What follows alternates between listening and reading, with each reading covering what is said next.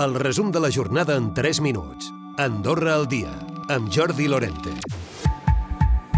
El govern estudiarà implementar una prestació social per a les persones no professionals que han deixat la feina per cuidar d'un familiar proper amb dependència.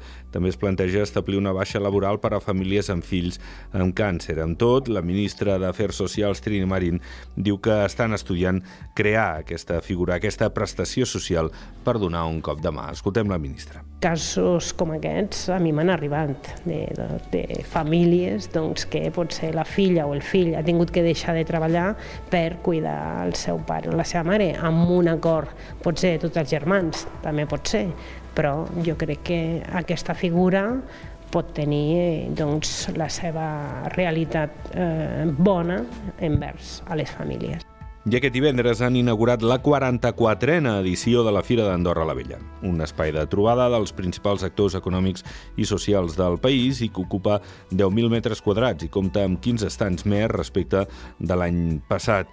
De fet, eh, s'ha parlat una vegada més del multifuncional, on s'ubicarien esdeveniments com aquest. Amb tot, eh, la situació a hores d'ara no sembla que sigui urgent. S'està pendent dels passos que pugui fer el Futbol Club Andorra al voltant de l'estadi. N'ha parlat el cònsul major de la capital, David Astrier. Han hagut contactes amb la propietat, no hi ha una voluntat ferma i imminent de construir, però sí que és veritat doncs, que hi ha algun interès doncs, per moure les coses. No? Hi ha una, un projecte d'urbanització que hi ha un vial que uneix l'Avinguda Tarragona amb la, el, el carrer Bonaventura Armengol. Per tant, eh, bueno, són coses que, que a hores d'ara doncs, no són imminents, però sí que podrien venir en uns anys. Per ubicar el multifuncional continua havent-hi dues opcions preferides sobre la taula, l'estadi comunal Joan Samarra o Borda Mateu. La fira ja no és un lloc per venir a buscar un descompte de forfet de temporada perquè des de fa temps els preus especials es fan amb l'obertura de la venda en línia. Això fa que la fira ja no sigui un lloc per mesurar les vendes del sector.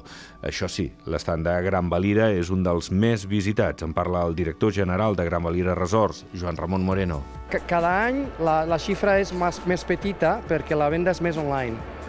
Uh, L'any passat, eh, record, crec que al, al voltant dels 1.300 forfets va ser la, la, la xifra que, que vam vendre l'any passat i serà potser una miqueta per sota una altra fira que han fet aquest divendres ha estat la del bestiar, que ha reunit a 150 animals de 32 explotacions. L'objectiu de la jornada, a banda de fer negocis, que els infants coneguessin de més a prop el bestiar. Els propietaris agafaven els cavalls i, i feien allà les voltes perquè és divertit veure com corren. Els cavalls, les ovelletes. És el desfile de cavalls.